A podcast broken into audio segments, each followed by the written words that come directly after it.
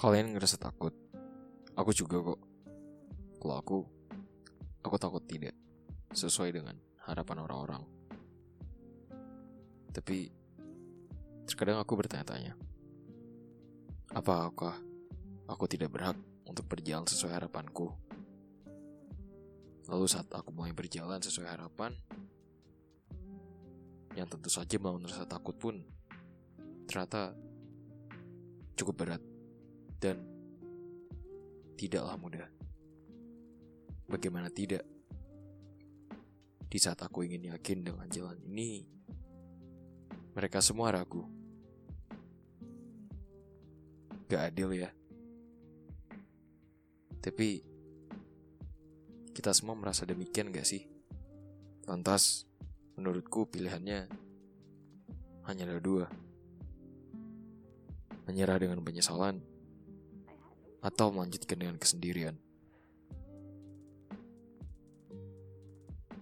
Kalau aku setidaknya sendiri tidak seperti penyesalan.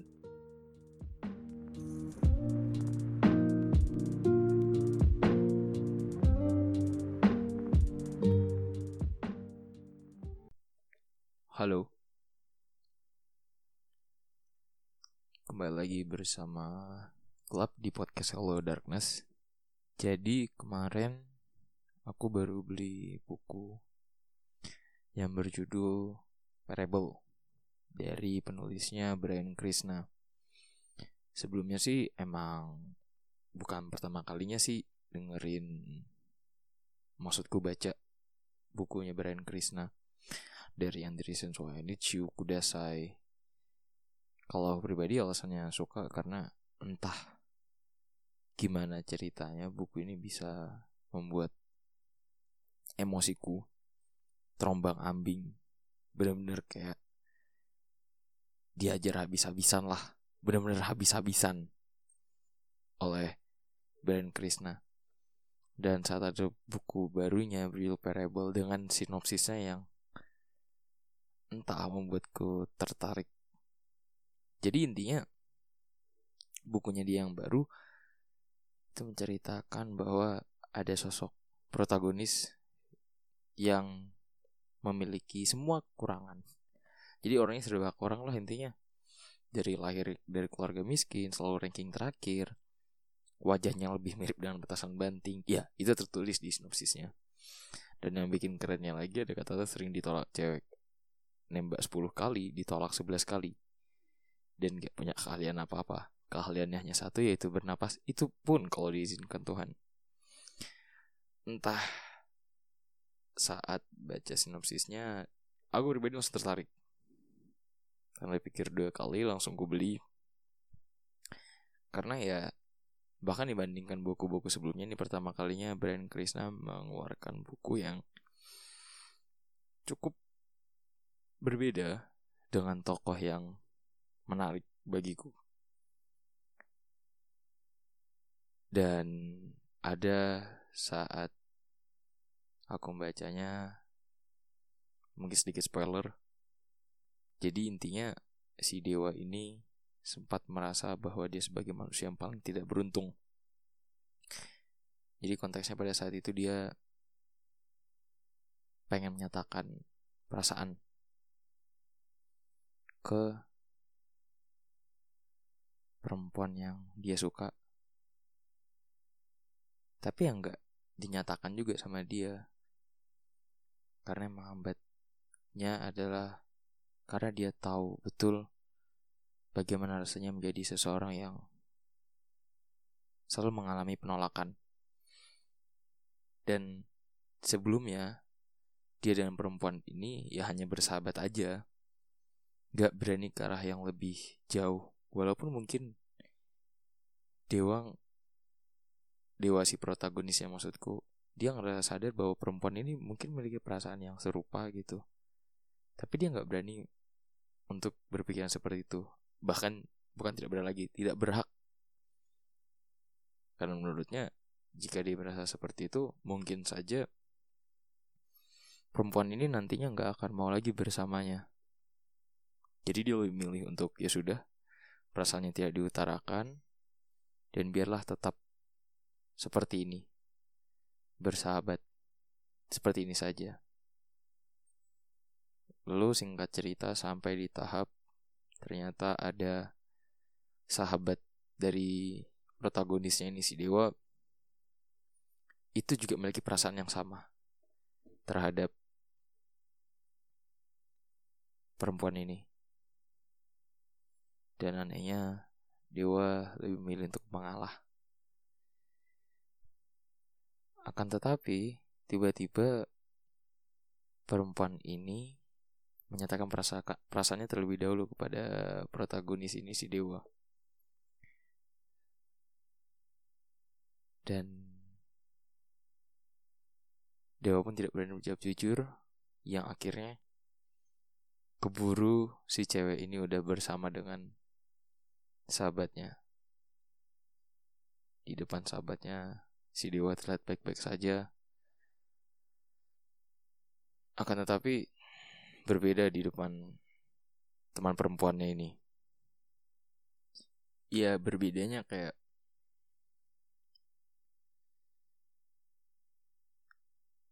dia akhirnya coba menyatakan perasaannya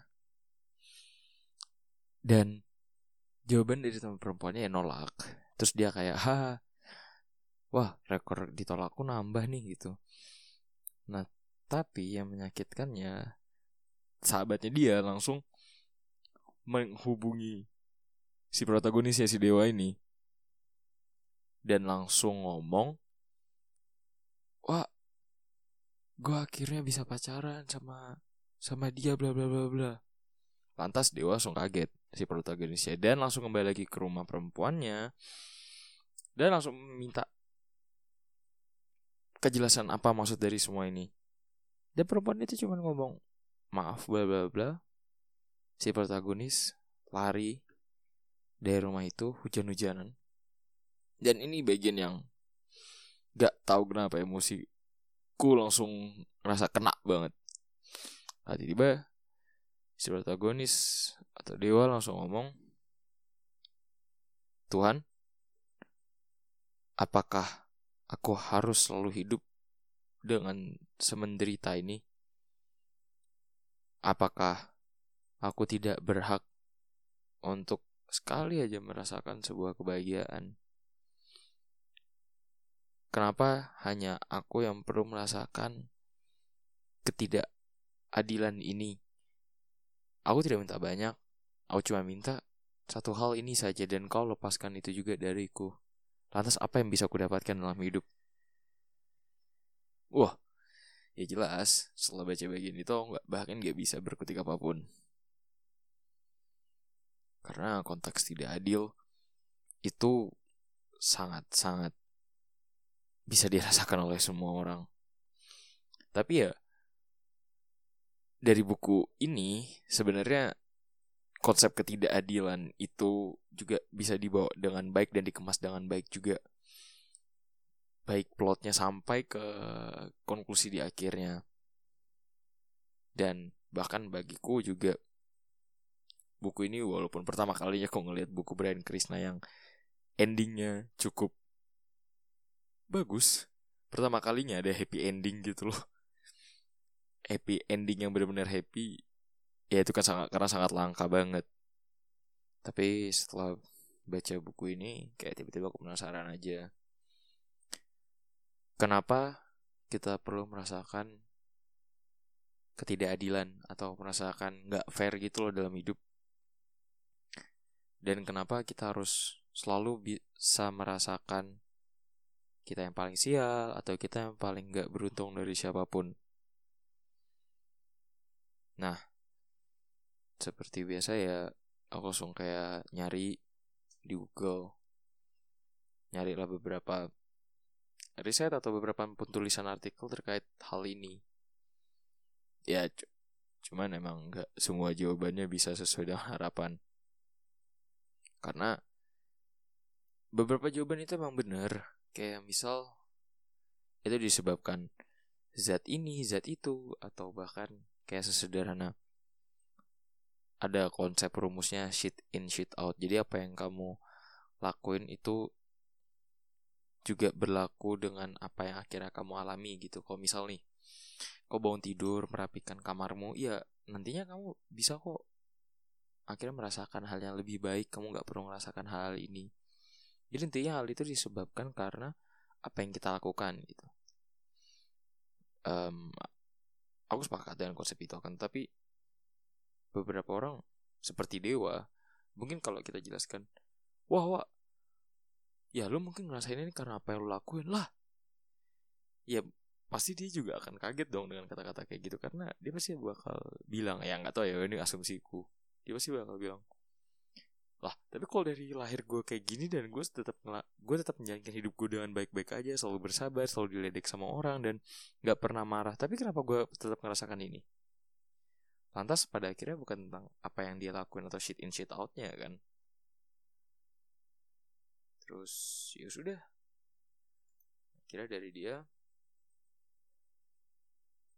aku langsung mikir oh berarti mungkin kita perlu cari yang lebih pas. Karena emang secara saintifik mungkin itu benar tapi aku butuh jawaban yang kayak lebih bisa membuat seseorang kayak dewa lebih tenang dan kuat. Walaupun sebenarnya di buku ini juga udah jelaskan, tapi ada satu akhirnya lagi-lagi dari Quora aku mendapatkan. Jadi di Quora ada yang mempertanyakan why do I feel like eh, why do I feel like life isn't fair? Dan ada yang menjawab seperti bagaimana artikel sebelumnya menjawab, tapi ada juga yang menjawab kayak gini. Aku nggak bisa masuk ke dalam kepalamu dan memberitahumu mengapa kamu merasakan hidup itu nggak adil. Aku hanya bisa memberikan beberapa alasan mengapa yang lain merasakan demikian. Dan tolong perhatikan bahwa tidak ada cara agar kita bisa menyentuh alasan kenapa semua orang merasakan demikian itu sama. Jadi dia pun membatasi alasannya cuma untuk dia dan di negaranya.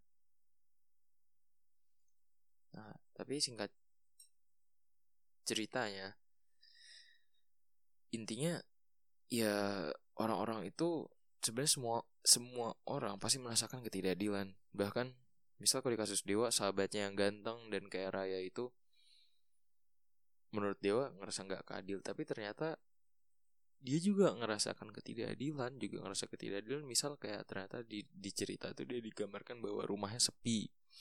Orang tuanya jarang di rumah. Dan dewa yang miskin jelek itu selalu bertemu dengan orang tuanya selalu bisa bercerita dengan baik. Itu adalah sebuah contoh ketidakadilannya gitu. Dan yang paling lucunya lagi di artikel ini dia menceritakan bahwa anak-anak yang punya nilai bagus di sekolah yang agak kurang mampu ya dia akan tetap mendapatkan nilai yang bagus.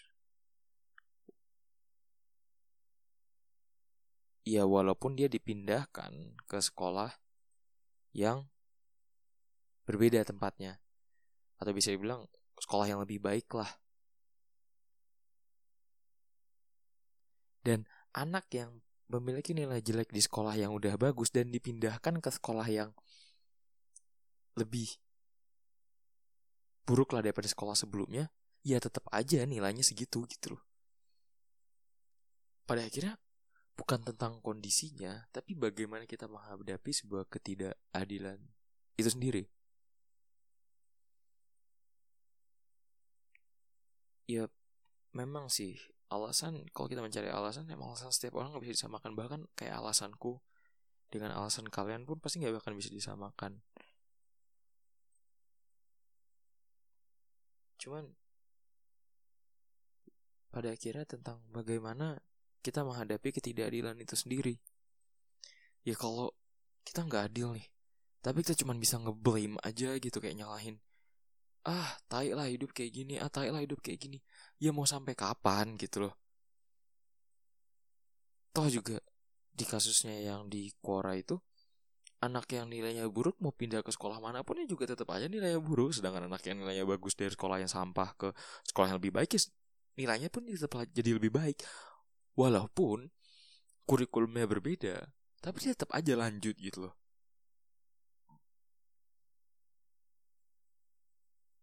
dan pada akhirnya life isn't fair. Itu benar. Hidup tuh emang udah nggak adil. Dan kenapa nggak adil setiap orang? Alasannya kenapa kita masing-masing ngerasa ketidakadilan itu kita nggak akan pernah bisa disamaratakan. Aku dengan alasan gue sendiri kalian dengan alasan kalian masing-masing. Cuman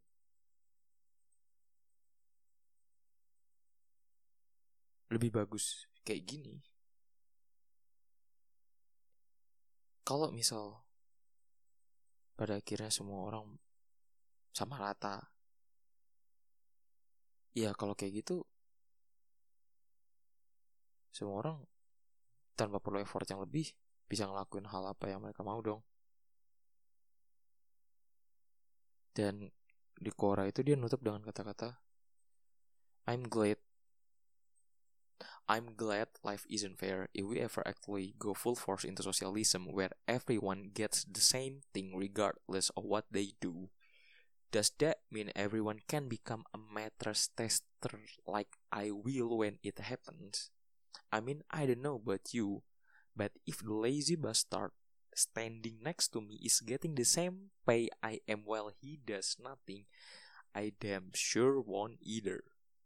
Ya intinya dia bilang kalau misalnya ada orang yang bahkan nggak ngapa-ngapain di sebelahnya itu mendapatkan bayaran yang sama padahal dia nggak lakukan apa pun ya dia nggak mau. Ya mungkin ini tapi orang ini di Korea udah banyak sosialis sama kapitalis. Cuman kalau aku sempitkan lagi ke masalah ketidakadilan dari kita yang kita rasakan aku sih mungkin juga kenapa relate banget dengan variable ya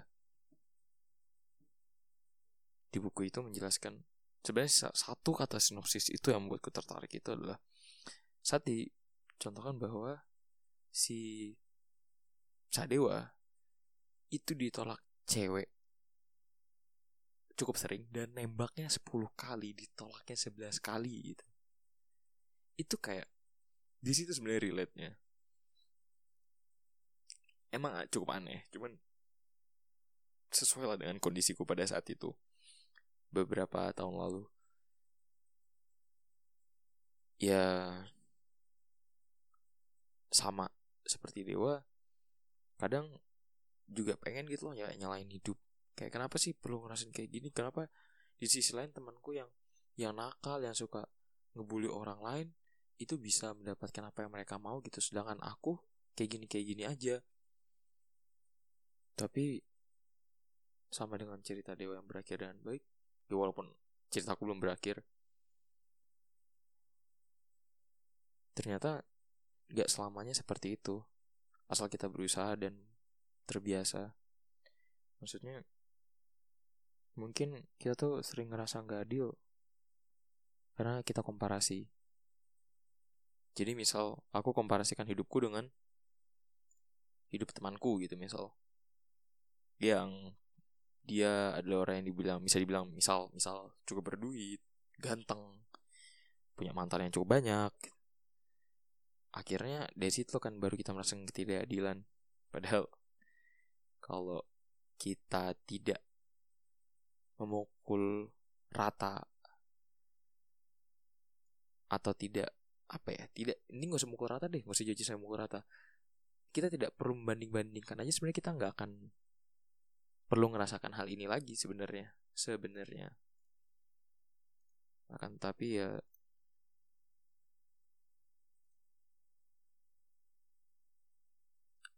namanya manusia pasti ada saat-saatnya kita entah dengan sengaja atau tidak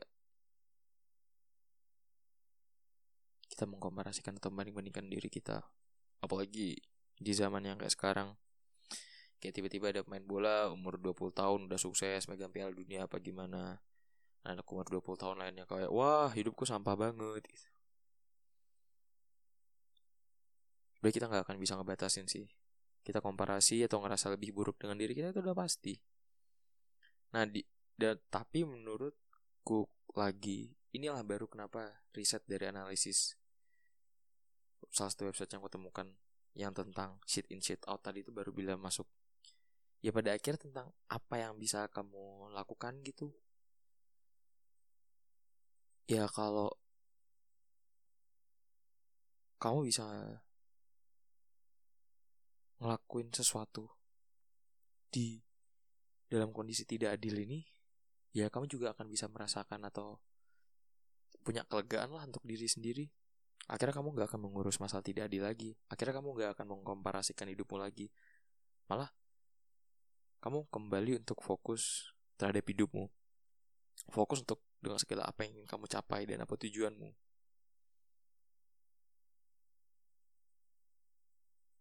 kalau aku boleh cerita sih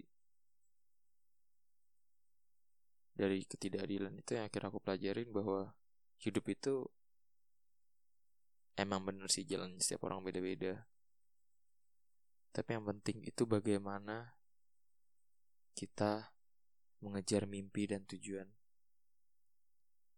Makanya menurut yang penting sih apa pun itu selama hal tersebut memiliki hubungan terhadap tujuanmu jangan dilepaskan dan kejar. Kita semua capek hidup. Kita semua mungkin udah di tahap kayak nggak peduli bahkan suka tai-taiin orang karena betapa sampahnya hidup.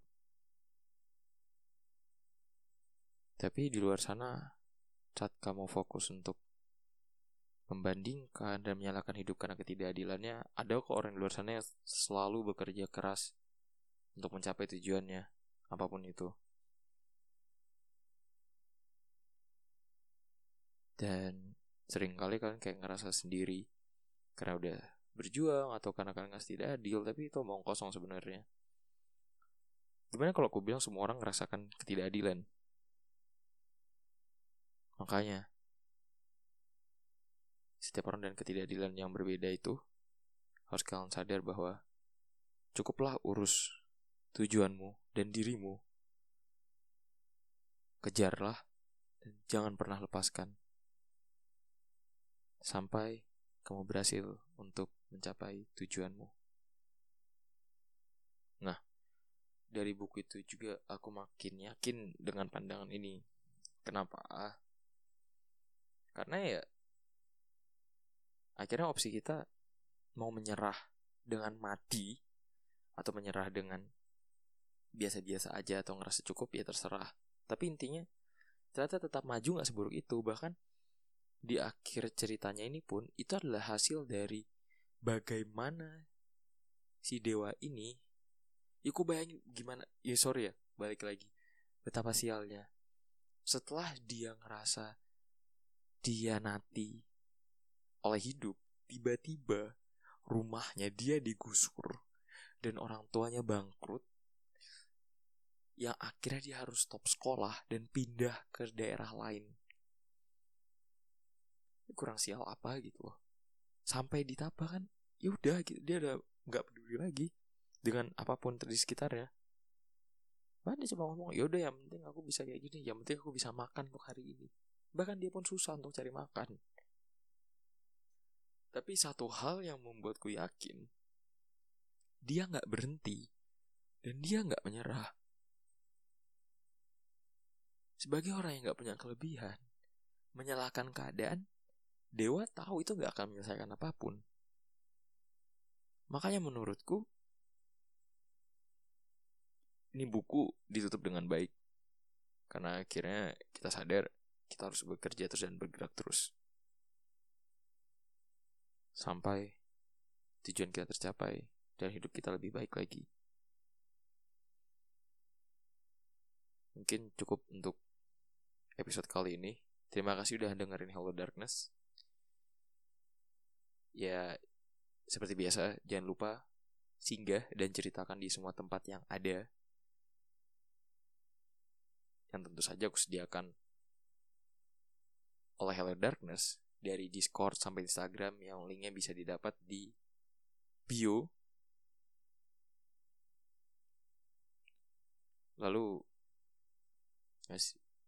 pengen ngasih pesan aja sih. Hidup kita tuh memang memang kok tanggung jawab masing-masing tapi ya bukan berarti harus tanggung sendiri. Toh nggak ada juga yang ngelarang. Bahkan nggak ada juga yang nyalahin. Berbagi beban un untuk saling menguatkan. Maka dari itu janganlah pernah ngerasa sendiri. Marilah kita saling menguatkan. Cukup hidup yang tidak adil. Jangan sampai kita juga menjadi seseorang yang tidak adil. Adil dalam hidup, marilah kita saling menguatkan. Bersama-sama menghadapi hidup itu sendiri. Cukup dari aku. Gelap dari Hello Darkness. Stay safe.